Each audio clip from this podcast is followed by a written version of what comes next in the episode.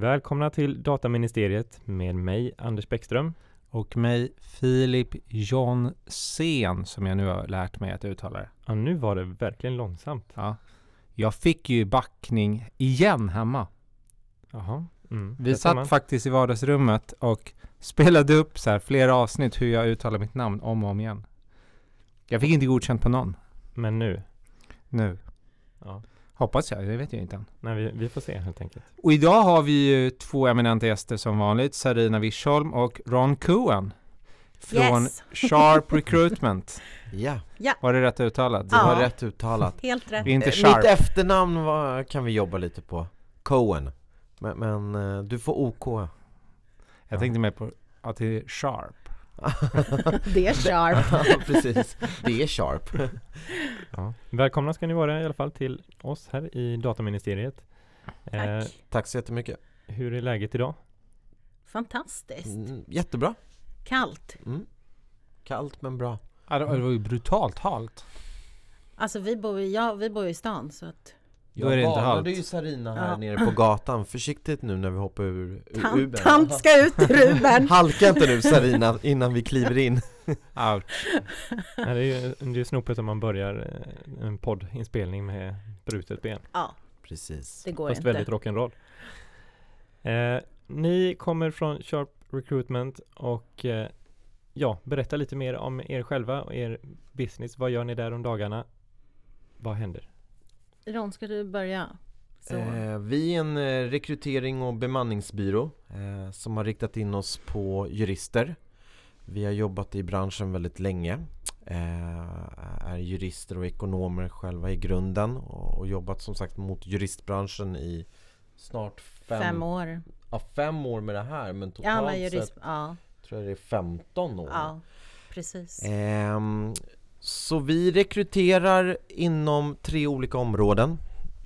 Det är legal, risk compliance och skatt.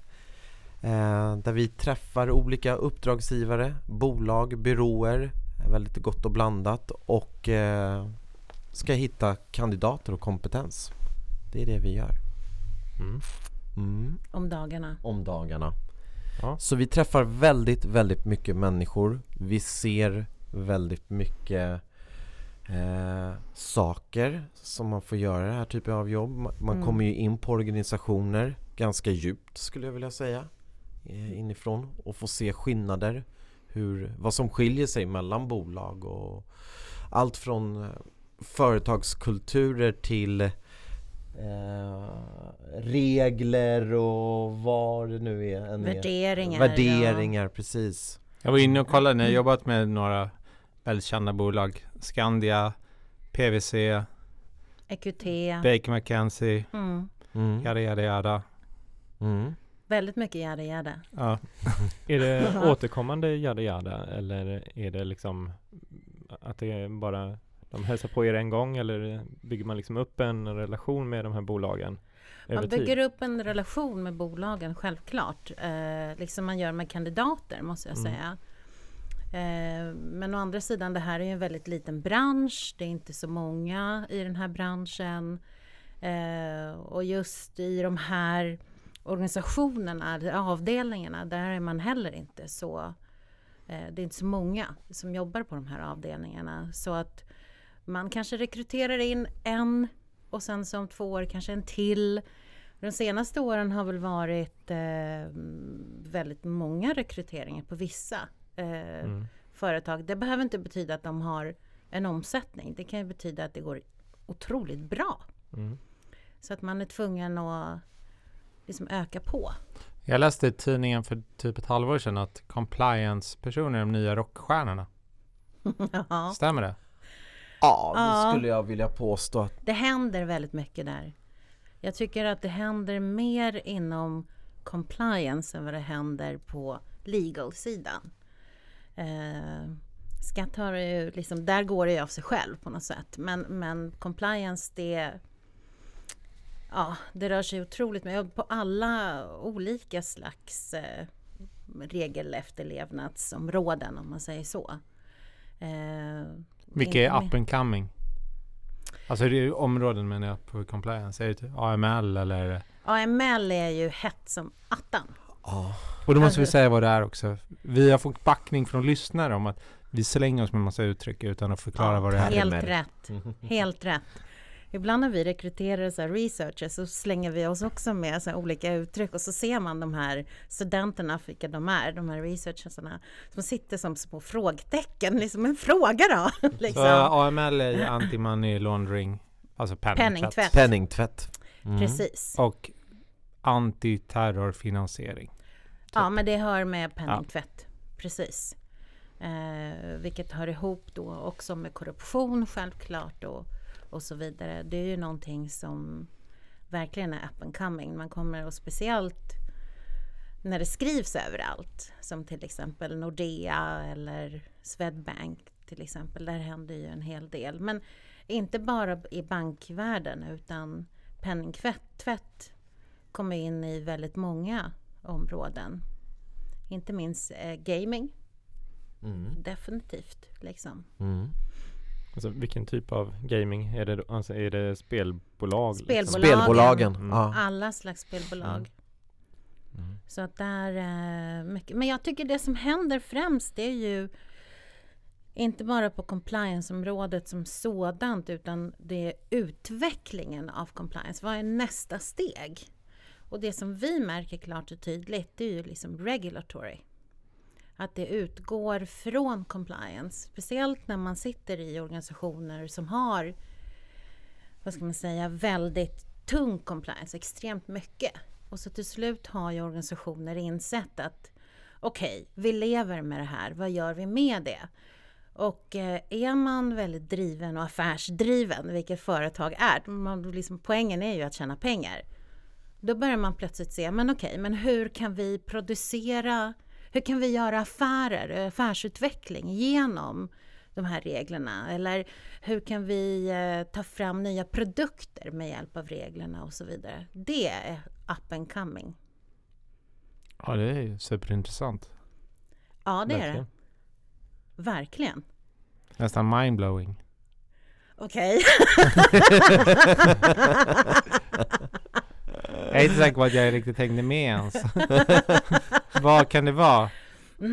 S- säg en business som bygger på... Fintech, klart och tydligt. Fintech är väl den första och verkligen enklaste businessen om man säger så, som har kommit ur regel, reglerna och regelefterlevnad. Ja, men det kan jag hålla med Jag jobbar ju i sig i fintech Ja. också. Men alltså det har kommit jättemånga småföretag som kanske bygger på typ PSD2, alltså andra penningdirektivet. Ja, men om ehm, du tittar annat. Förlåt, om du tittar även på säg eh, säkerhetsbranschen där, eh, där, det kanske, där det finns compliance också eh, eller regler som man har tagit fram och så vidare. Då data, dataskydd är ju definitivt inne i säkerhetsbranschen. Eh, där utvecklar man ju nya produkter med hjälp av eller genom då dataskyddet. Kul att du nämner dataskydd, för det här är ju en dataskyddspodd. Um, hur eh, ser du att eh, liksom rekryteringen av dataskyddsjurister, dataskyddsombud eller andra som jobbar med just dataskydd och inte infosec, inte informationssäkerhet och allting. Hur, hur ser du att det har utvecklats, eller ni, förlåt, över tid? Utvecklats? Ja, jag vet inte. Hur tycker du det har utvecklats? Jag tycker att det har... Eh, alltså det var ju extremt för två år sedan. Extremt. Eh, jag tror att man tog allt som fanns, som rörde sig. Det var ungefär lite som... Eh, man kommer ihåg Nordea när, när, när det föll, liksom det här med penningtvätten. Att de anställde allt som rörde sig inom penningtvätt. På samma sätt var, gjorde dataskydd. Ja, och jag tror att en stor skillnad var att som Sarina är inne på för två år sedan då kanske många av företagen inte riktigt visste faktiskt vad det var de behövde och vad det var för typ av kompetens man sökte. Utan det var något, vi måste ha det för det, det är något som säger att vi måste ha det. Jag tror att där tror jag man har sett en stor förändring på de här åren. Att nu vet man lite mer paketerat vad det är för typ av Så kompetens. uppdragsgivarna ger bättre beskrivningar av vad de är ute efter. Mm. Ja, det tycker jag. Absolut. Mycket, mycket bättre. Ja. Eh, och sen märker man också att organisationerna har börjat sätta sig. Precis. Börjat sätta sig. Förut visste man inte riktigt var man skulle sätta dataskyddet någonstans. Var skulle DPO'n sitta till exempel? Ska den sitta i legal? Ska den sitta i compliance? Ska den sitta någonstans i mitten? Eh, men nu börjar det liksom sätta sig allting. Och var hamnar det? Compliance. I större organisationer. Eh, Ibland där- kan det ju fortfarande vara mellan legal och Ja. compliance. Men i flesta fall en flesta fall compliance. compliance. Faktiskt. Eh, kan också vara under legal. Eh, men Men det är de två valen, mer Ja. eller mindre. ja, Ja. än så länge så är det så. Eh, jag kan tänka mig att det även kommer utvecklas vad ska man säga? Ju mer, det är ju inte så att lagstiftningen kommer kommer att stanna av eller regel, reglerna kommer att stanna av. Det ser man ju definitivt på, på inom finans. Det bara väller fram jag tror det kommer ske på samma sätt inom eh, just dataskydd. Eh, av den anledningen, anledningen så tror jag också att man kommer utkristallisera kanske dataskyddsorganisationen ännu mer. En, en sak jag funderar på just när det gäller organisationerna är det talades otroligt mycket om dataskyddsombud då ungefär för två år sedan. Men om man tittar blickar utanför EU då finns det ju en mängd olika roller. Det Mm. finns eh, liksom Chief Pr- Privacy Officer, det finns eh, Privacy Councils, det finns alla möjliga olika roller som inte är liksom DPO eller dataskyddsombud. Är det något som är på väg hit eller? Eller är Ja. det redan här? Nej, men jag tror vi är alltid liksom 10 till 15 år efter. Precis, man, tittar, man tittar på London, man tittar på USA. USA först, sen London, sen kommer vi. Så att eh, ja, jag är säker på det. Eh, Och det beror ju på att vi har eh, en liksom våg av, av regler som kommer att komma. Med tanke på IT-utvecklingen helt enkelt och vi går någonstans. Och ju mer företag, om man nu tittar som jag sa på regulatory, om man utvecklar produkter ur det här, ja men då självklart så kommer ju reglerna efter också, ännu mer. Och så får man anpassa sig därefter. Jag var ju på Datainspektionens dataskyddsombudskonferens tidigare idag. Och då när de ställde frågan bara, hur många känner igen sig att ni är helt ensamma i organisation? Så skrattade ju hela auditoriet. För att det kändes som fortfarande är de flesta dataskyddsombud helt ensamma. Och de är inte bara ensamma i den rollen utan de har alla hattar när det gäller Mm. dataskydd. De är rådgivare, de är granskare, de är vad det nu kan vara. Och det tycker jag tyder också på att, att organisationen inte är mogen ännu. Eh, För det, stämmer handlar- ju inte riktigt med att man skulle ligga i compliance. För klassiskt har ju inte compliance en rådgivande roll mer så här lite indirekt. Precis. Det är ju en kon- kont- ja, både och. Det ska inte vara rådgivande om man säger så. Men, men många compliance har definitivt en del rådgivande också. Eh, konstigt vore annars faktiskt. Men jag tror att, att ehm, eh, just det här Eh, att man känner sig ensam. Eh, det tror jag tyder just på att man inte mm, organisationen inte är satt. Man har inte implementerat riktigt dataskydd i, i värdegrunden på företaget. Liksom. Alla tittar på, ja ja, det är någonting som ett måste, mer än en del utav någonting. Hur är det när ni pratar med era beställare? Eh, hur verkar deras syn på dataskydd vara? Är det just det här att oh, ett måste eller du sa att man har kommit lite mer mot att det är någonting vi behöver ha för att vi ska bli bättre eller att man vill ha det av andra skäl än strikt, strikta måste-skäl. Men är det någonting man säger eller är det verkligen där? Är beställarna där så att de faktiskt ehm, vill göra dataskyddsarbetet eller nöjer man sig med att anställa någon eh, som man hoppas täcker in det här apropå det som de då nämnde vid den här konferensen. Jag tycker att det beror på. Det beror på organisationen och verksamheten och hur långt de har kommit i, eh, i sitt arbete med, just eh, implementeringen. För att även om man ser, alltså alla organisationer har väl kommit till, av vi måste. Eh, så är det bara. Och sen så har väl väldigt många kommit fram till att okej, okay, det här kommer vi behöva implementera, verkligen så implementera. Men jobbet fr från att inse att man måste till att verkligen göra det, det är ju lång väg. Och jag tycker inte, det finns massor med organisationer som ja, ligger så långt bak liksom. Eh, att de tar in en första DPO till exempel också nu.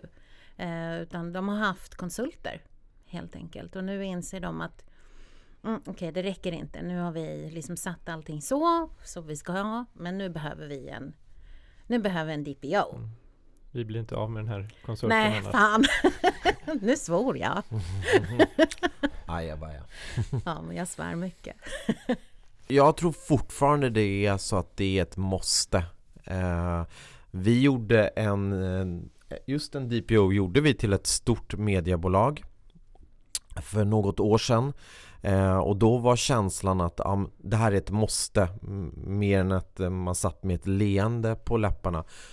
Ett halvår senare hade vi uppföljning med den här uppdragsgivaren och som var liksom eld och lågor och, och, och flög upp av lycka. För att den här DPO'n är ute i organisationen och utbildar och den här DPO'n för över kunskapen till organisationen. Och då börjar man helt plötsligt se vilken nytta vi har, har av den här personen och den kompetensen som eh, hon, han har kommit in med. Då är det en helt annan tongång.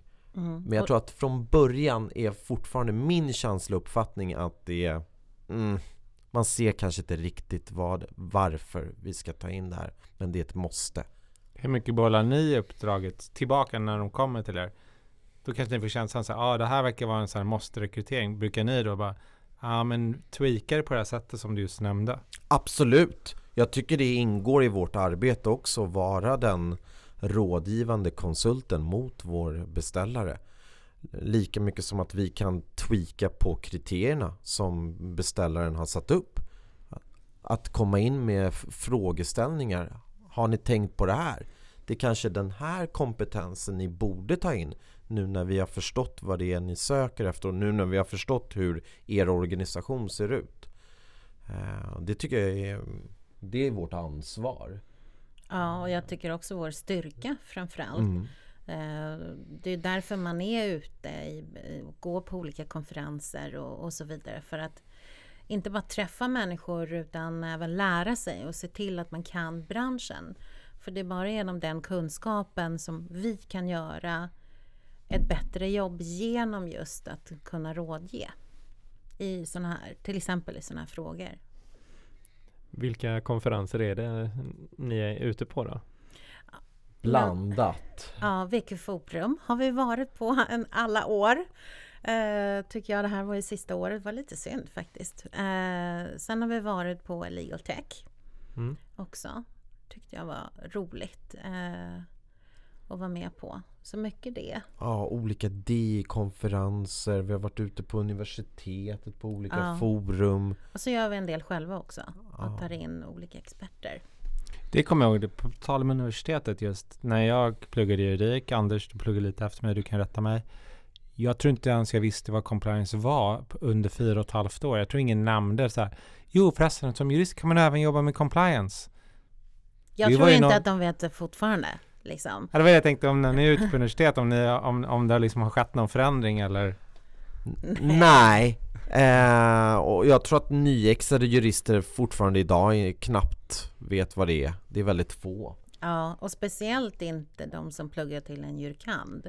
Eller nu heter ju allting juristexamen. Juristexamen. Mm. Juristexamen. Men, men de som pluggar affärsjuridik, där brukar de mm. kunna mm. lite grann. Förra veckan så intervjuade jag en tjej som hade läst i Jönköping, affärsjuridiska programmet. Hon jobbar på en stor internationell byrå. Eh, som jurist blir det. Hon har idag efter, jag tror hon är en sjuåring om jag minns rätt, eller sexåring, har en omsättning som hon har dragit in själv på drygt två miljoner. Det, ingen där, an- jag måste säga bara, det där är också så juristiskt att säga. Ja. Sjuåring, sexåring, Ja. en tvååring. Det är verkligen så här byråliv. Branschskada. Branschskada, precis. För det, det där, jag fattar inte, jag jobbade ju på byrå jättelänge sedan. Det var det först de sista åren som jag började höra det här. Alla pratar, alla pratar just treåringar också. Ja, Treåringar. Det är det senaste.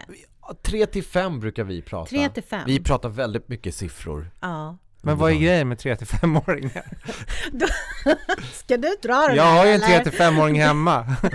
Precis, 3 till 5 år. Ja, Det, men vad händer med dem då? De har liksom de har gått ifrån det här bebisstadiet.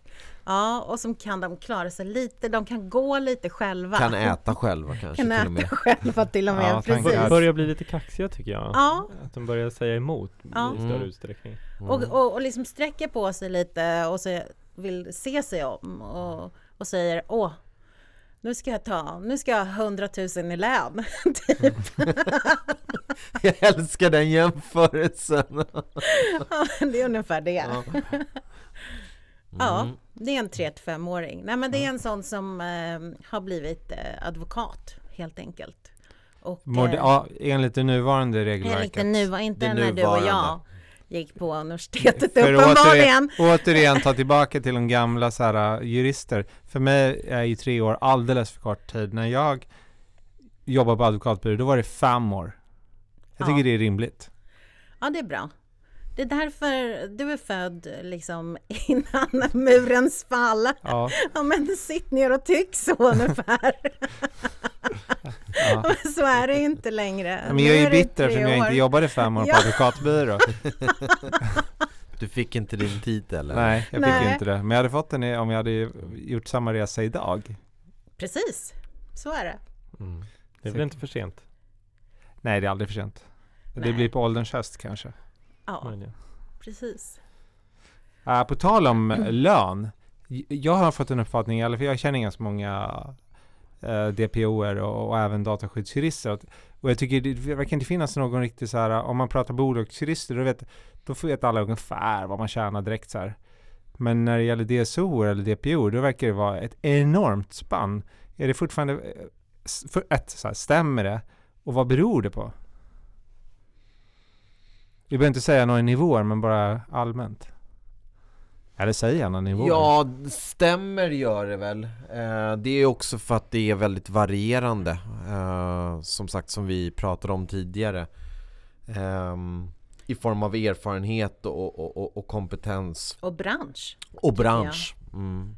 Väldigt olika branscher har väldigt olika ehm, lönesättning helt enkelt. Tung industri har lägre lönesättning än finans till exempel. Så det varierar extremt mycket. Du kan göra samma jobb men helt olika. Även om Va- du har en annan inriktning så att säga. Fa- Ja, jag vet inte, ni behöver inte ha någon åsikt. Har ni någon Mm. åsikt? Borde det vara mer lika eller? Nej, jag tycker Nej, det men borde jag vara tycker- lägre. Tycker Ja, jag, jag, tycker inte det handlar om att det borde vara mer lika. Jag, där är jag inne på Sarinas spår. Jag tycker det handlar om att det kanske borde vara lägre. Det är enorma nivåer. Alltså det är Jaha, lö- extremt. lönen skulle vara lägre? Ja, Jag tycker att det är extremt. Det sitter ni liksom. Really? Nej, nej, nej, högre, högre. Alltså jag vet inte, jag, är- jag har ingen, jag är så ganska ointressant. Jag vet inte vad, jag vet knappt, jag vet inte vad min fru tjänar. Jag vet inte vad någon tjänar. Jag, är ganska, jag tycker inte man ska jobba för pengar. Men såklart har jag en lön. Så jag vet inte om jag är hög eller låg eller mellan eller... Men jag tycker inte att det är okej att en, nu kommer jag säga fyraåring, okej, fyra år efter examen eller fem år efter examen tjänar 75 000. Jag tycker det är så här, I'm sorry, det är orimligt. Du har inte, du, du är inte ens torr bakom öronen. Eh, Men har det gått inflation i löner? Det har gått, det är inte, ah, ja men det beror ju på väldigt mycket, bland annat konjunktur. Eh, Det är också allt sån här, om du även tar en, ja men säg en 30-åring som har jobbat, eller 30 plus, vi säger så, med barn och så vidare och så ska man köpa, köpa en ny lägenhet och så vips så är det nya liksom amorteringsregler. Sånt spelar ju roll, liksom allting spelar roll. Så det är klart att då pressas ju lönerna upp. Men jag har ju haft samtal med, med eh, chefer som ringer mig och liksom Vad är det som händer Sarina? Hur ska vi göra? Hur ska vi tackla det här? Och jag kan inte betala det här. Det är ju helt orimligt. Det går inte med tanke på hur organisationen ser ut och vår lönepolicy. Och, Men det kan ju också vara en anledning till att alla söker, vi pratar ju om att man vill ha treåringar trodde jag då. mm. För att de ligger ju fortfarande då lite lägre. Ja, så är det Men, då, också.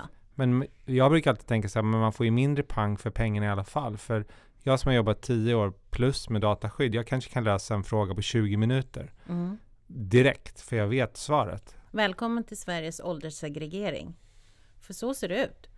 Det är ju, eh, vi är ju extremt fixerade vid ålder i det här landet. Och man har en tanke på att en person som har passerat 40, där börjar i, i princip man gå ner i, vad ska man säga, eh, att, att vara attraktiv på marknaden. För att du kanske inte är så energisk och engagerad, Ja, hungrig. ja, du vet precis. det här. Ja, drivet och sådär. Men du kan ju lösa problem på en mycket, ett mycket mer effektivt sätt. Märkligt det där. Ja, väldigt. Och det, det är liksom, jag tycker att det är...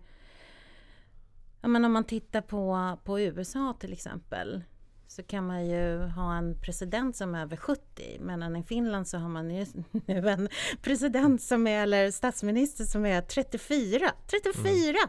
Jag tänkte också faktiskt på det. Jag tänkte direkt så här, men när jag var 34 då, för två, tre år sedan.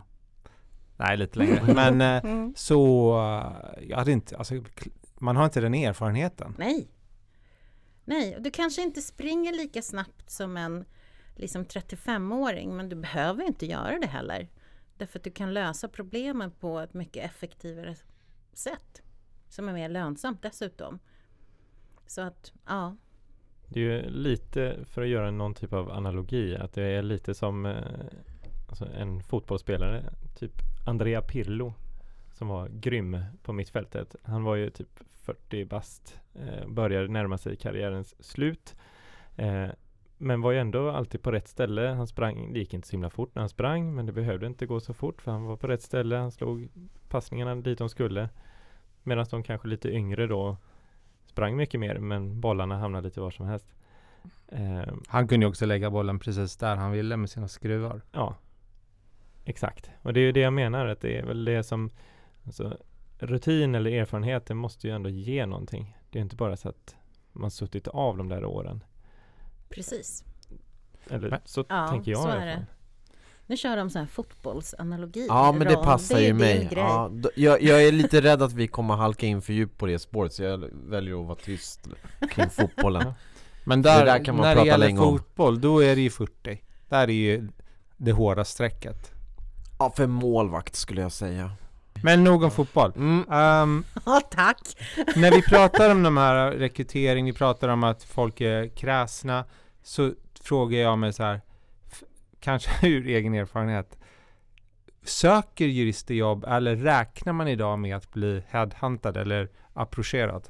Absolut det sistnämnda. Man räknar med att bli approcherad eller headhuntad. För så tyckte inte, jag har ju ändå jobbat och, nej, 15 år drygt.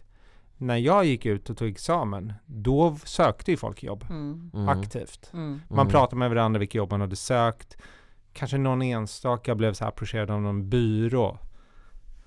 Eftersom jag satt ting på Stockholm och då blev man ju från byrå. Men inte i övrigt. Men nu känns det så att ingen söker jobb. Nej, ingen söker jobb. Men när man ringer folk, då är det så här, ja, ja men det där lät intressant. Playing Fast lite, det playing beror väldigt get. mycket på vad man ringer med, Ja, alltså vad man har för Det är ärende. sant. Eh, på byråsidan ser vi ju det väldigt, Jävligt väldigt tydligt. Det är otroligt svårlockat att ta en jurist från en byrå och få den juristen att flytta till en annan byrå. Men det är för att de kan ju inte särskilja sig. Byråerna, Nej. precis så är det. De är ju exakt likadana. Eh, och tycker själva att de är väldigt speciella. Att de visst särskiljer sig. Eh, Och tycker själva att det är en självklarhet att alla jurister ska söka sig till dem och här borde, man, här borde ju alla vilja jobba. precis. Men eh, även de här stora, jag, menar, jag såg att ni jobbade med Baker till exempel, om, alltså, de kanske inte är jättestora i Sverige, men de är väl tredje största i världen. Ja, Och de blev ju rankade ett eller två till bästa byrån globalt. det är en jättebra byrå. Jättebra byrå. Men, men eh, Men du vet när du sitter och säger de bitarna till en jurist som kanske sitter på Vinge. det är inte sånt What's som juristen går igång på och känner ah, då, då hoppar jag över till Baker för att det är den tredje största byrån i världen och de har fått de här och de här priserna. I slutändan, det är inte det som lockar. Vad lockar? Utveckling, det tycker jag generellt sett är det jurister först nästan pekar på. Eh, Ja. och, och, och, säger det här är det som är prio för mig. Utveckling. Utveckling på...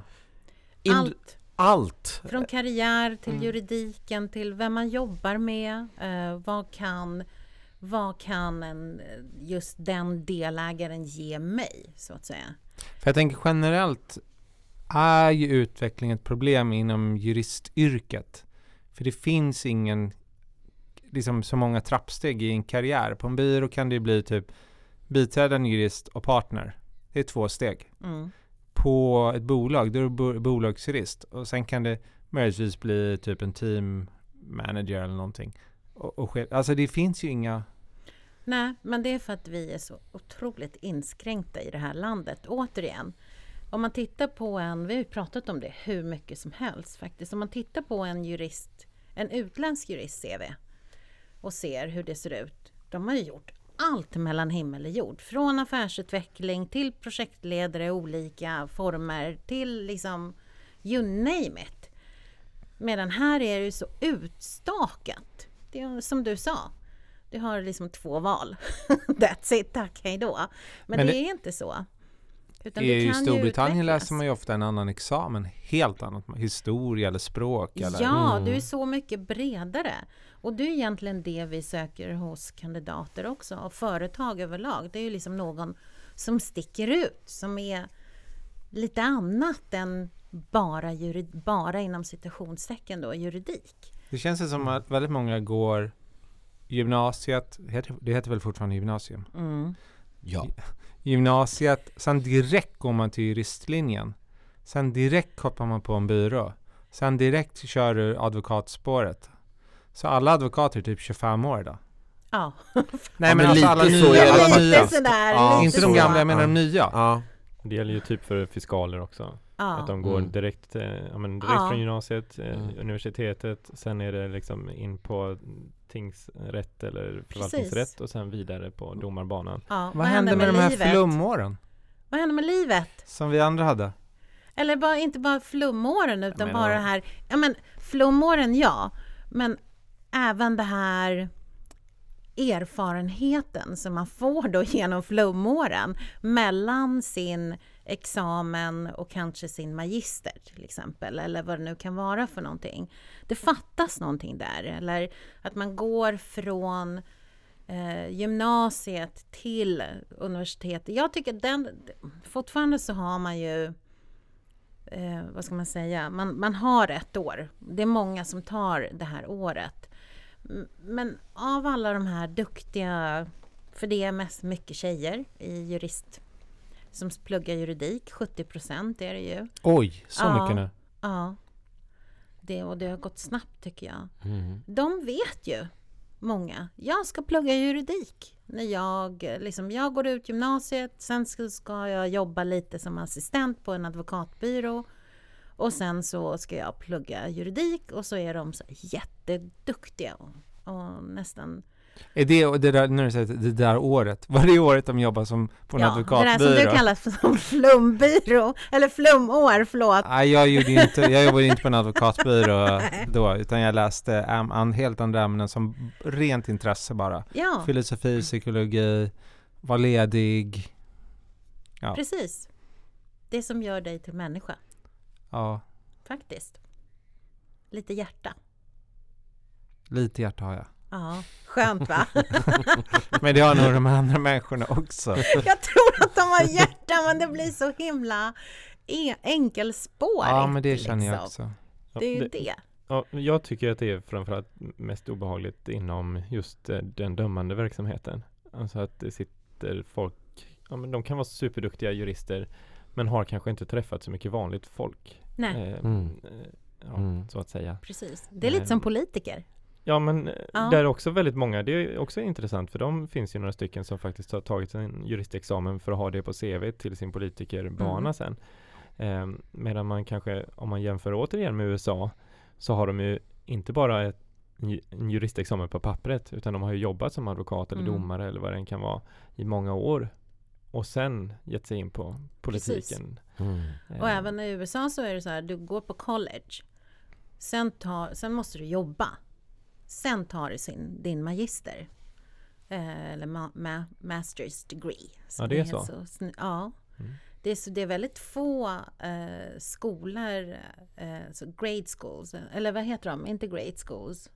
Ja, men där man pluggar law schools och så Mm. vidare. där- Som tar in direkt efter college. Jaha. Utan du måste liksom Du måste jobba lite. Sen, och samma sak med MBA. Vilket jag tycker det är en självklarhet. Hur kan du liksom döma, sitta som rådman i en domstol och Var inte 25. ha... Nej, det går inte. Nej, det går inte. Inte riktigt. Nu överdrev du. Ja. Nej, men 30 går. Ja, Det tror jag. för sig. Ja, I alla fall TF rådman. Tillförordnad. ja. Mm. ja det, det är lite läskigt alltså. Jag tror det är, vi är besatta av ungdomen. Är det typiskt svenskt? Du, du bor delvis i Israel. Jag bor delvis i Israel, i Tel Aviv Jag sitter här och funderar medan ni pratar på just det här med karriärsfokus Skillnaden, för det är en skillnad Den ser jag väldigt tydligt Mellan Sverige och Israel Eh, det är så inrutat här tycker jag i Sverige Med just karriär och titlar och Extremt prioriterat. Medans i Israel är utbildning jätte, jätteviktigt. Där skulle jag säga att siffran är Den är 90-95% eh, På antalet som liksom studerar på högskola. Det är en självklarhet. Sen är det mycket flummor och sen börjar man arbeta Men karriären är liksom någonstans sekundär Jag jobbar för att, du pratade om det här innan med att tjäna pengar för att det är ett måste Absolut, men, men medans här är det, det, det är liksom allt eh, upplever jag. Framförallt inom vår värld, det vill säga jurister. Det, det är nästan till det extrema. Och här menar du Sverige? Ja, Ja. precis. Ehm, mm, det, där tycker jag det är en väldigt, väldigt tydlig skillnad. Och jag tycker också att man märker också en skillnad på Vi pratar just om att det är oftast eh, student, juriststudenter är kvinnor. Att de har sån extrem press på sig själva. Jag vet inte varifrån det kommer. Jag är jurist, jag hade aldrig som press på Alltså, jag har inte världens bästa betyg heller. Så ska- man väl säga. Jag hade kul. Men, men eh, Eh, Men de som har en sån extrem press på sig själva att, eh, att göra bra ifrån sig, att prestera. Eh, och har svårt att separera sig själva, alltså sin identitet från sin prestation. Man märker det väldigt tydligt när man sitter och intervjuar. Och så går de in på de här storbyråerna, jobbar Alltså verkligen otroligt mycket. Ehm, in på nätterna och hela tiden och Åh, fast de inte orkar. Det är nästan som en jag inte orkar. Men då kanske de Liksom- förtjänar den höga lönen. Timlönen är inte så hög. Nej men grejen är att sen så, nej timlönen är ju inte så hög. Men jag tycker inte, men frågan är, är det värt det? Och varför sitter du på en byrå och jobbar på det sättet? Det är, ju, det är ju prestige, det är det det handlar om. Ja, Det är prestige att jobba på den här byrån. Det är prestige att kunna säga att jag går hem klockan 12 från arbetet. Och det är det här jag menar med, det är det inte i Israel. Det är inte prestige att jobba på en stor byrå. Jag gör det för att jag har investerat i min utbildning. Jag, tyck, jag tycker det är kul att arbeta som jurist. Men jag går inte runt och slår mig för bröstet och, och säger att jag jobbar på den här byrån och jag kommer hem 12-1 på natten. Och det är det här jag menar med om inte tre. Om inte tre. Där är skillnaden. Jag måste ändå prata lite mer om Israel. För Israel är de länder som har fått ett beslut av kommissionen till ett adekvat dataskydd ju. Um, vilket inte är så många. Det är Argentina, det är Israel, det är lite sådana här lilleputtländer som Jersey eller vad de heter. Och Japan nu. Men det är ju ett high-tech-land. Det är ju startup nation. Yeah. Men är det, ja men bara allmänt. äh, äh, vi brukar prata med, vi, ibland har vi gäster från andra, från ställen också. Mm. Brukar fråga liksom hur människorna på gatan tänker runt privacy. Oj. Eh, Kan du svara på den här nej, frågan Jag har Ron? faktiskt ingen aning om Nej. hur, hur de tänker kring det. Men är juridik ett fint jobb? I Israel? Ja, i Israel. Nej. nej, det är inte ett fint jobb även om det finns otroligt mycket jurister. Nu har inte jag någon siffra men jag tror att det är den absolut vanligaste utbildningen. Va? Men jag tror, ja, Ja, men faktiskt, men jag absolut. tror att det beror på, alltså det finns bra universitet, ungefär som vi har här i Sverige. Ja, det vet jag. Det finns jättevälrenommerade. Väldigt. Mm. Och, men sen så finns det hur många högskolor och privata högskolor, privata alternativ eh, som ger, vad ska man säga, eh, universitetsliknande kurser. Eh, men man har ju inte professorer och det går inte att forska i och så vidare. De, där får man också en, en juristexamen. Men det går ju inte att jämföra. Eh, och det går ju, alltså det är så många jurister i det här landet, det är inte klokt. Var och, varna, var och varannan. Och sen så säger man så här, men jag är jurist. Jaha, är du en sån? Okej. liksom. Jag sitter på ett sånt här kontorshotell, open space och jag överdriver inte när jag säger att hälften av de personer jag sitter med runt omkring mig, det är jurister. Mycket inom legal tech. Ah, intressant. Men det be- betyder inte att de är bra jurister. Så kan jag säga. Men, men de jobbar som jurister. Det är det som jag tycker är den stora skillnaden. Och även de stora byråerna i Israel, de har ju samma problem som här i Sverige. Just att få tag, det blir ännu svårare där. Att få tag på rätt kompetens. Även för bolagen. Är det på grund av just de här många Ja. olika utbildningarna som finns eller är det Ja. någon annan orsak? Ja, Det är det. Du måste veta exakt vad du söker och veta exakt vad du, liksom, vilket universitet de har pluggat på och vad de har gjort och så vidare. Jobbar ni med rekrytering även där? Eller bara i Sverige? Tanken var att vi skulle gå in på marknaden, nu sitter Sarina och ler här, eh, i Israel. Men, men eh, just nu är det bara i Sverige. Det kanske räcker. Än så länge räcker det, eller vänta, räcker det? Det, Ja, det var ju- räcker väl aldrig? Det räcker aldrig! Vi är aldrig nöjda, så vi, nej, men vi får se. Det är lite under utveckling. Det är lite roligt ju. Ja. Man vet aldrig. Jag har aldrig varit i Israel. Nej, inte jag heller. Norwegian direct flight.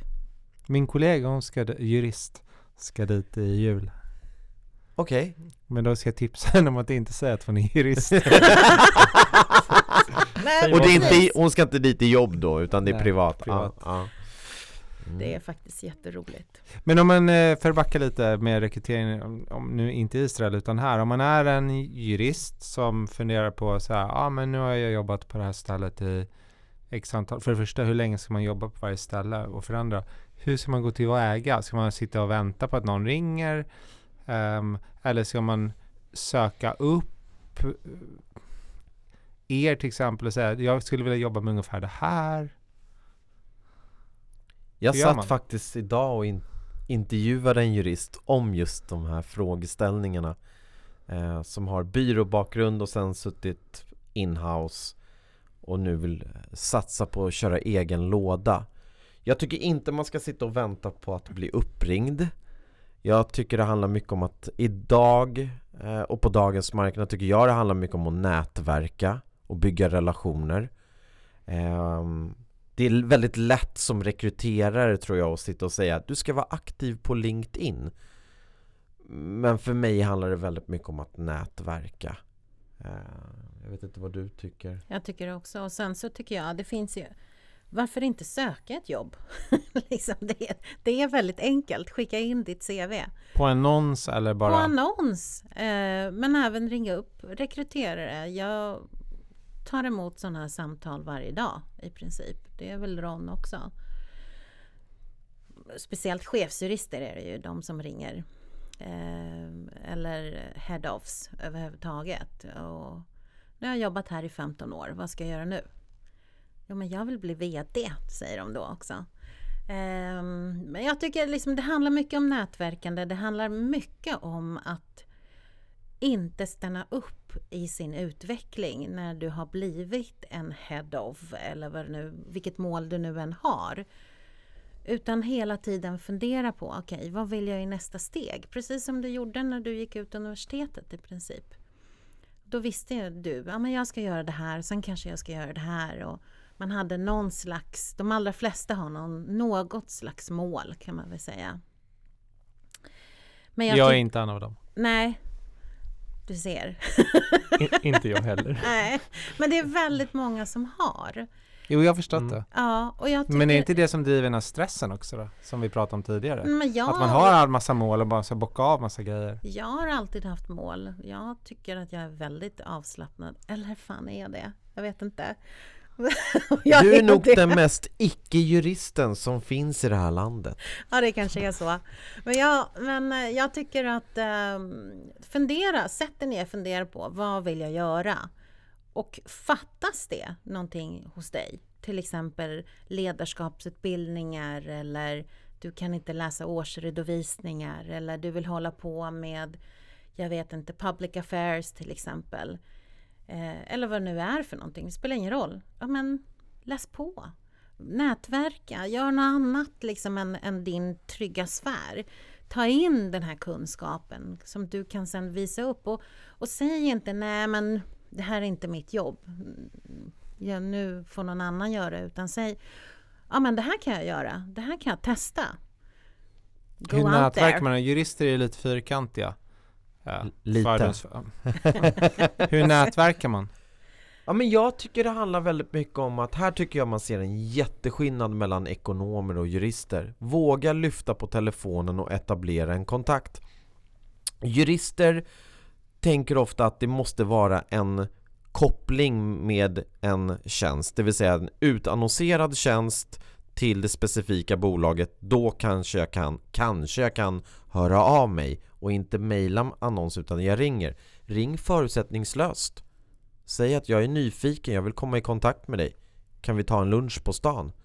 Det, så jobbar ju inte knappt en enda jurist i landet idag.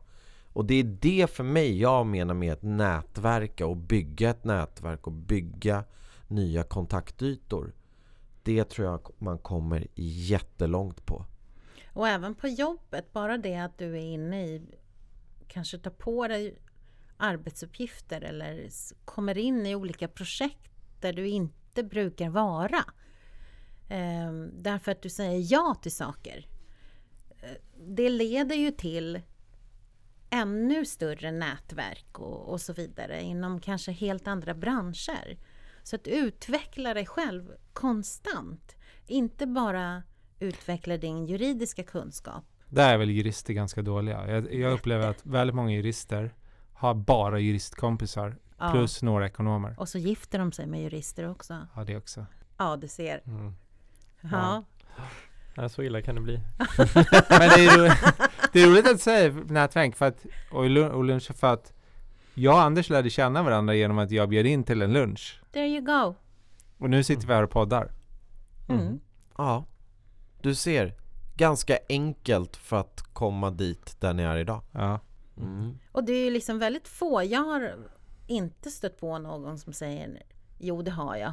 Faktiskt jurister som säger Nej, jag vill inte luncha med dig. Liksom, varför då? Ta lunch för tusan. Det, det är en timme, kanske...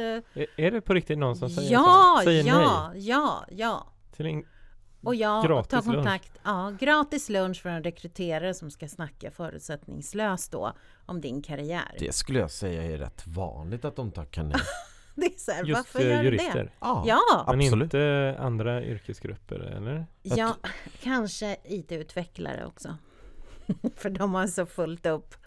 Men, men just det här, alltså det är så här, och speciellt ju yngre de är, desto värre är det tycker jag. Nu måste jag bara säga till alla lyssnare så här, ringer Sarina, då tackar ni inte nej till lunchen, okej? Ja, exakt. Och jag tycker det är just det här att ja, men, steppa ut ur comfort zone liksom. Gör något lite roligt. Ja, faktiskt våga sticka ut. Ja, Mm. våga sticka ut. Mm. Det känns ju inte som en typisk juristgrej att göra. Nej, Om man tittar på, vad är det det står på i Uppsala? Tänka Tänka rätt, eh, nej tänka fritt är stort, tänka rätt är större. ja precis. det något ja, sånt va? du Hur ser. tråkigt som helst. Ja, ganska Snark. Ja. eh, fyrkantigt. Inte bara fyrkant, vad är utvecklingen i det liksom? Nej men det är väl det att man, eh, alltså oavsett vilken, eller ja, eh, nu hamnar jag väl, det är mycket mot eh, domare här, det är absolut inte meningen, men att det är lätt liksom att man eh, bara applicerar rätten på någonting utan att- att egentligen tycka någonting om det. Mm. Eh, men det är väl liksom en ganska svensk rättstradition också. Och jag tycker det som är intressant är när man, nu pratar vi om jurister i allmänhet så att säga, det är ju att alltså jurister är väldigt bra på att analysera och inte bara på att analysera utan göra det snabbt också. Jag älskar att jobba med jurister på det sättet därför att det är, alltså det rör sig i huvudet på dem. Det är jättekul.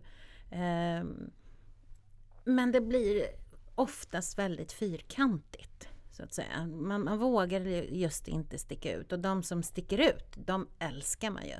Jag kan också, jag håller, äh, bara tillägg, tycker jag också att jurister är väldigt försiktiga ofta. Mm. De är ganska så här äh, riskaverta eller vad det heter. Ja, Mm. det ska de ju vara. Det är ju Tycker lite, du det? Men riskaverta? Ja, Jag tycker inte det. jag tycker att jurister ska vara riskaverta, men, men tänka till. Eh, riskaverta på det sättet, men vem, om inte jurister, så vem ska vara det liksom? Ingen.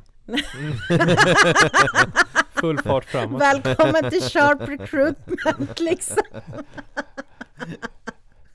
Så här, kaos. nej, men jag tror att, att ehm, nej, men jag tycker visst att man ska vara, alltså tänka till. Det tycker jag är bra. Men även om du är riskavert, alltså jag räknar ut din risk. Så jag går och lunchar med Sarina. Eh, och så ser jag en kollega. eh, som ser mig, att jag lunchar med en rekryterare. Liksom, vad händer då? Det är så här, då börjar, de här, då börjar folk bli jättenervösa. Och vad händer då? Men ingenting! liksom ingenting! Jo, de vill också gå på en lunch med dig. Ja, i och för sig! Det är det, det är jag sant. tror händer. ja, men det är så här, Varför, varför hen och inte jag, tänker de. exakt. så är det. Slå en signal. Mm. Mm. Ska vi avsluta med en helt annan diskussion? Om hotell. Ja, vad Jag kul! förstod där innan vi satte på inspelningen att ni ett av ert, ni pratar mer om hotell på jobbet än rekrytering. Alltså grejen är nu... Ja, det är inte ovanligt. Ja, men nu Peter kommer visade, vår, vår tredje partner, han visade ett hotell för mig idag. Nu minns jag inte namnet, för han ska till Wien nästa vecka. Mm. Inte, nej, inte Sacher. Vad heter det? Det är tårtan. Jag minns kommer inte ihåg. Inte, men var... Nej, men vi älskar hotell. Jag Ja. måste säga det. Så då får ni säga varsitt hotell. favorithotell som avslutning. Enkelt. La Reserve i Paris. mm, nu kan ju inte jag säga detsamma Jo, det kan du. såklart. Jo, men det kan du. Är det så bra? Ja, alltså allt vi är på jämförs med La Reserve. Det, jag har inte stött på något hotell i världen än så länge. Och vad ligger det i vilket arrondissement? Eller ungefär, säg något. Ah. I närheten. 16.